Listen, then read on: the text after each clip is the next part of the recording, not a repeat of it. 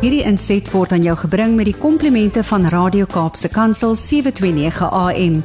Besoek ons gerus by www.capecoolpit.co.za. En een ding wat nooit gaan verander nie en dit is die Here Jesus en hy is onveranderlik en ehm um, dit is nie die geval ehm um, met ons gesprek vanoggend met Annelies nie. Goeiemôre Annelies. Môre ja, altyd met ek so ou wat sê hulle sê spanner in die fireworks kom insit. Die Engelse een ek kan nou om die dood nie om die af in die Afrikaans ding nie. Ah, ja, ons het altyd so ou mislike onderwerpie waaroor ons moet praat, maar ja, dis die Ja, realiteite van die lewe. Verseker relatief en ehm um, dit is definitief goed waar ons moet gesels want dit is goed wat ek dink so 'n bietjie in in in 'n mens stir as ons nou die Engelse woorde kan Mm. ingooi vanoggend. Dit is regtig iets wat nogal weet daar's vrae rondom dit en ons praat vanoggend oor vervroegde parol en die impak op slagoffers en ek dink hoeveel keer in die verlede het ons al gehoor van misdaad wat gepleeg is deur persone wat op parol vrygelaat is nie. En dan voel ons ook nog dat dit 'n tragedie voorkom kon gewees het as daardie persone nog agter tralies kon gewees het en dat dit regtig onregverdig is dat iemand nie sy volle tronkstraf uitdien nie. Wat sê die wet ehm um, weet in watter omstandighede word parol toegelaat? Annelies. Ja, dit is altyd maar goed net voor ons dink ons emosies moet ons heeltemal laat omkrap om te gaan kyk wat sê die wet vir ons wat die riglyn is hoe mense kan optree en dan partykeer dan buig hulle ook maar bietjie die riglyne. Maar as ons nou terugkom na die letter van die wet toe, dan sê artikel 773 vir ons die wet op korrektiewe dienste van 1998 dat daar wel voorsiening gemaak word dat gevangenes vrygelaat kan word op korrektiewe toesig op dagparool of gewone parool voordat hulle gevangenisstraf tydperk heeltemal verstryk het. Met ander woorde, voor daai 25 jaar heeltemal vir jou absoluut 25 jaar dag en datum is, is daar 'n kans dat jy vroeër uit die tronk kan kom. So 'n vervroegde vrylating is natuurlik onderhewig aan die bepalinge van gemeenskapkorreksies of dan korrektiewe toesig wat deur 'n paroolraad of deur 'n hof bepaal is. En uiteindelik sê die wet ook vir ons dat die doel van korrektiewe toesig is om aan daai individu die geleentheid te gee om weer 'n sosiaal aanvaarbare lewe te begin leef sonder en hier's die ding. Die idee is nie dat daai ou weer by misdaad betrokke moet raak nie. Veral in daai laaste tydperk. So kom ons sê nou maar iemand is gevonnis tot 10 jaar gevangenisstraf en nou na 3 jaar of 4 jaar word hy op parol vrygelaat. Dan in daai volgende paar jaar is jy nou nie weer veronderstel om weer 'n lewe as 'n misdadiger te begin nie, want dan maak jy net vir jouself moeilikheid en dan is jy half, jy weet, onwillig om eintlik weer 'n skoon lewe en dan 'n sosiaal aanvaarbare lewe te begin leef. Nou as ons gaan kyk na gevangenes, is daar basies twee groepe waarin ons hulle kan verdeel. Die eerste is die ouens wat vir 'n sekere tydperk gevonnis is en waar die hof van die begin af sê daar's 'n sekere deel van jou vonnis wat jy moet uitdien. So kom ons sê nou maar byvoorbeeld die hof sê jy moet vir 15 jaar tronk toe gaan, dan kan daai by persoon byvoorbeeld na omtrent 5 jaar mag hy kwalifiseer vir 'n parol om op parol vrygelaat te kan word. En die tweede groep is dan die ouens wat wat die hof van die begin af sê daar's 'n nie parol tydperk nie. So hierdie ouens moet minstens die helfte van hulle gevangenisstraf uitdien en dit is ook gewoonlik die ouens wat vir 'n langer tydperk gevonnis is. En dan moet ons ook in ag neem dat diegene wat reeds vir 25 jaar in die tronk was, maar met ander woorde vir 25 jaar van hulle vonnisse het hulle uitgedien, vir hulle mag daar parol oorweeg word ten spyte van die lengte van hulle vonnis. Met ander woorde, kom ons sê dit is nou byvoorbeeld 'n ou wat vir lewenslank gevonnis is, na 25 jaar mag hy in normale omstandighede in aanmerking geneem word vir parol.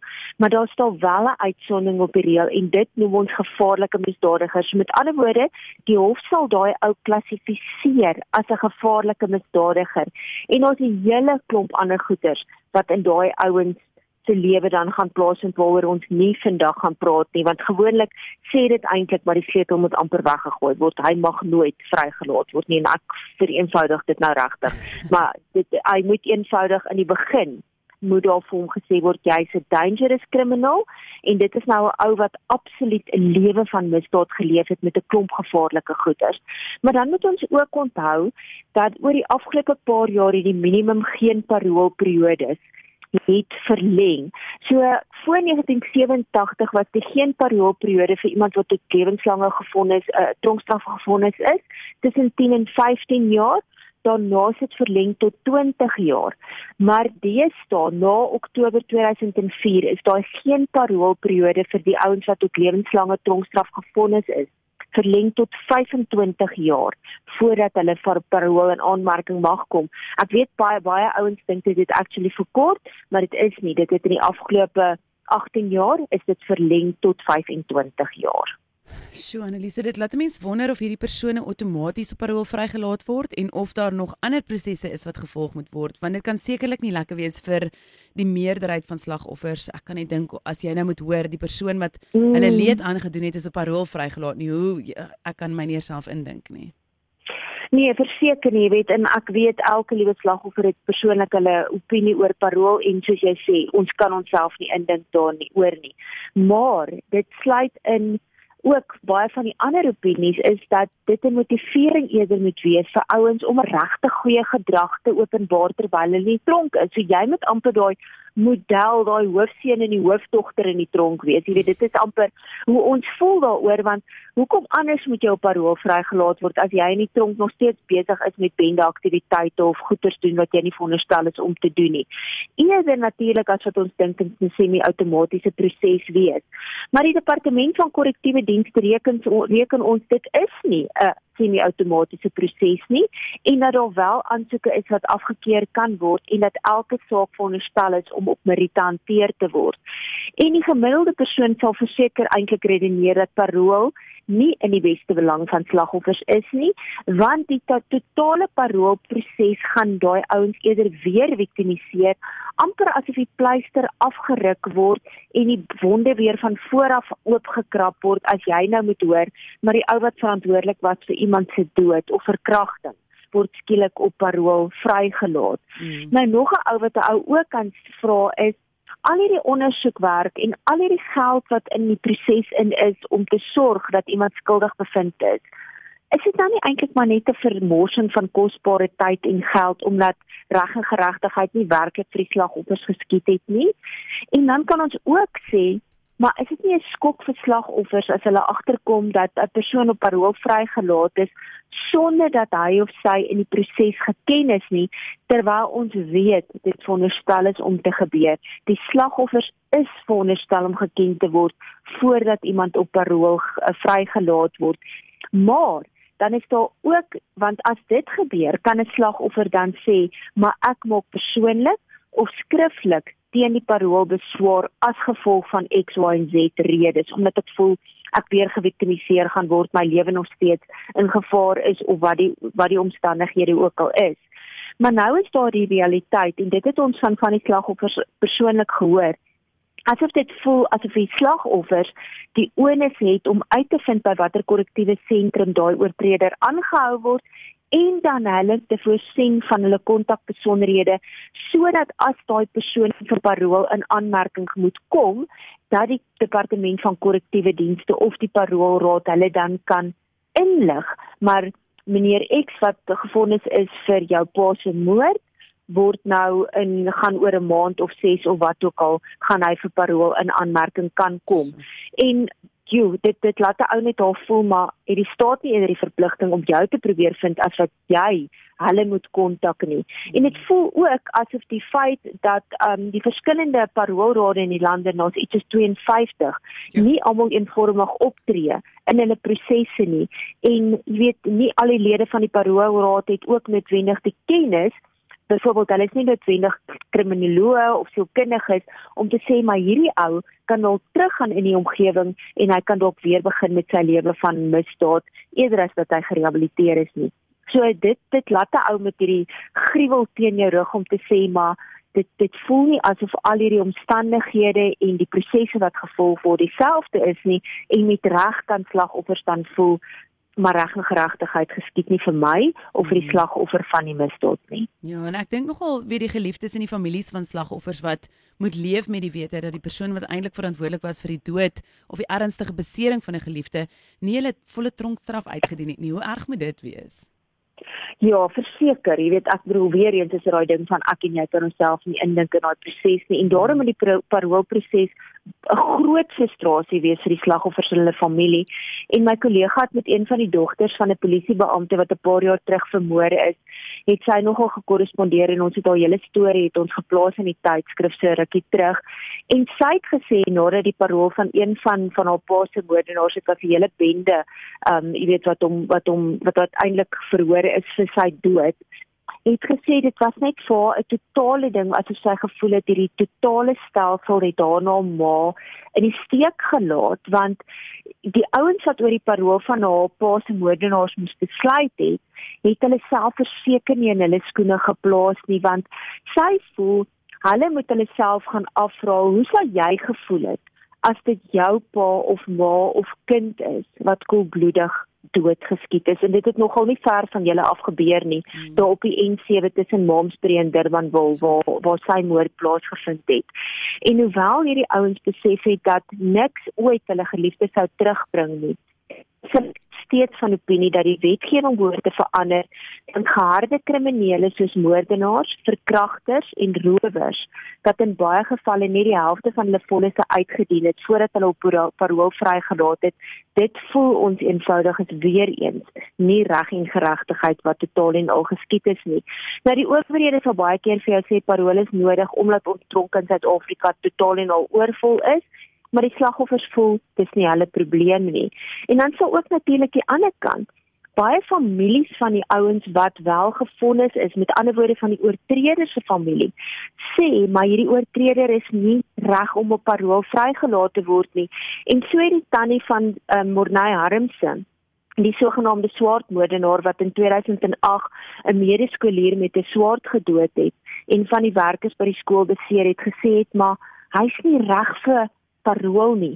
Hy het byvoorbeeld in die in die ehm um, uh, tydens die slagoffer dialoog met die familie se slag is 'n se familie het hy geen berou oor sy misdaad gepleeg nie. Toe hulle hom vra maar hoe voel jy hieroor? Het hy eenvoudig stil gebly het niks gesê nie. En een van die kriminoloë en sielkundiges wat wat na die tyd hy was betrokke by hierdie proses hy was ook hy's ook 'n oud polisieman. Hy het gesê Morney is glad nie reg daarvoor nie. Hy's nog onvolwasse hy het geen berou nie. Ja. en nogtans is hierdie ouetjie op parol vrygelaat. En dan ook, jy weet die die familie van Annie de Waani wat ook destyds daar vermoor is in die Kaap terwyl hulle in Witbrood in die Kaap was, was baie teleurgestel in die Suid-Afrikaanse stelsel toe haar moordenaar op parol vrygelaat is en haar oom het gesê en ek gaan dit lees in Engels. It's a shame to South African justice system. This confirms that South Africa does not want to reduce crime, rather encourage it. Good police work has gone down the drain. Yeah. This decision sends a powerful message to criminals that do the crime but no crime, but no time en ek kan dit nie beter verwoord nie. Ja, verseker en ek dink hierdie na hierdie kragtige stelling wat jy nou gelees het, laat dit my onmiddellik dink beteken dit eenvoudig dat ons die risiko verhoog dat soveel gevaarlike misdadigers weer op straat verskyn omdat hulle dalk voor enige moontlike rehabilitasie op parol vrygelaat word. Ja, jy weet dit voel vir ou definitief so, maar daar's nog 'n vraag wat ons ook kan vra en dis wie uiteindelik verantwoordelik gehou gaan word as hierdie oortredings voortgaan met hulle misdaad nadat hulle op parol vrygelaat word. Is dit die ouens van die paroolraad, die sogenaamde kinniges wat aanbeveel het dat daai persoon wel met parol vrygelaat kan word of die beamptes van korrektiewe dienste? Ek weet nie, ek wil nie daai vraag antwoord nie, maar dit is verseker 'n vraag wat wat die slagoffers kan vra en die departement van korrektiewe dienste neem eintlik maar 'n risiko elke keer as hulle oortreder op parol vrylaat omdat die gevolge tragies kan wees. Ek weet daar's baie ouens wat rehabiliteer en wat tot bekering kom en wat 'n wonderlike lewe daarna leef. Ek wil nie dit ontken nie, maar ons moet onthou, hierdie ouens wat aangekla word vir moord en verkrachting en ander geweldsmisdade en daarvoor gefonnis word. Jy weet daar is maar 'n vraagteken daaroor. En dan is daar ook 'n vraagteken oor hierdie geharde kriminele wat baie keer terwyl hulle in die tronk is deel word van 'n tronkbende of nog altyd deel was van 'n bende buite die tronk. En baie van hulle gaan nie eenvoudig aan met hulle geweldsmisdaad ons weet ook al van opdragte wat uit die tronk uitgekom het vir ouens wat vermoor moet word of wat uit die pad uitgehaal moet word dat hulle nie in die toekoms in daai ouens se pad kan staan nie. En dan kan ons ook met reg afvra as gewetsgehoorsaamende en belastingbetalende Suid-Afrikaners moet hierdie ouens regtig op op vrygelaat word op Karoo op Karoo want dan gaan ons net eenvoudig weer die strate deel met meer misdadigers. Mm. En dan is daar ook voorbeelde waar ouens met Karoo vrygelaat het wat wel weer gaan oortree het. So was daar byvoorbeeld 'n man wat in in Februarie 2020 op Karoo vrygelaat het nadat hy sy buurman se kind vermoor het en na sy vrylating het hy na bewering sy eie vier kinders vermoor en daarna daarna sy vrou met 'n klip doodgekap. Daai saak word nog verhoor, maar dit op sigself laat 'n ou met soveel gruwelinge om te dink maar dit kon voorkom geword het. Dan was daar ook 'n polisielid wat die slagoffer was van 'n groep gewapende rowers wat vanaf 'n fabriek gevlug het wat hulle beroof het en toe die polisie op daai roof tog reageer, is hulle deur 'n rower doodgeskiet wat met vervroegde parol vrygelaat is. Weereens laat dit ou maar daai vraag van maar miskien kon 'n tragedie voorkom geword het. En ek wil afsluit met ons almal weer die Christelike beginsel van vergewing verkeerd. Maar dan is daar ook daai selfde beginsel van 'n ou wat iets verkeerd gedoen het, moet gestraf word. En ons kan met reg vra maar is ons die ouens om te oordeel. Jy weet, hmm. dis ook die ander vraag. Maar daar moet tog sekerlik gevolge wees en daai behoort nie ekstra tragiese gevolge te wees van ouens wat met parol vrygelaat is omdat hulle verkragters, moordenaars en geweldsmisdadigers was wat nog nie gerehabiliteer het nie en waar daar ook nie genoegsame gesprekke was met die slagoffers en hulle gesinne om uit te vind is hulle oukei okay met hierdie ouens om hom 'n tweede kans te gee nie. Weereens ek is bly ek is nie in die in die skoene van die paroolraad nie, maar ek dink dit is so belangrik om die slagoffergesprekke aan die gang te hou en om kundiges op op hierdie paroolraad te hê om eerder daai ouetjie nog bietjie langer agter die tronk te hê om seker te maak hy rehabiliteer voordat 'n ou net met vervroegde parol vrygelaat word omdat die die stelsel sê my kwalifiseer daarvoor. Verseker. Ja, Annelies, dit is 'n mond vol vanoggend en ek ehm um, ja, ek weet ons spring weg met met 'n uh, lekker maandag en dan moet ons oor hierdie goed praat, maar hierdie is relevant. Dit is goed waaroor ons mm. moet praat. Dis dinge wat genoem moet word. Dis daai ongemaklike gesprekke wat ons baie keer nie met mense wil hê nie. Maar ehm um, ja, dankie vir jou tyd vanoggend en vir 'n baie baie weet ehm um, ingeligte praatjie wat ek jy vanoggend kon gehad het. As enigiemand van julle nog meer inligting wil hê, ons wil graag hê jy moet op die Servamus tydskrif gaan inteken. Dit is nie net soos wat jy altyd sê vir die polisie manne daar buite nie. Dit is vir enige iemand wat regtig waar wil gaan luister. Dit is 'n gemeenskapsgebaseerde veiligheids- en sekuriteitstydskrif.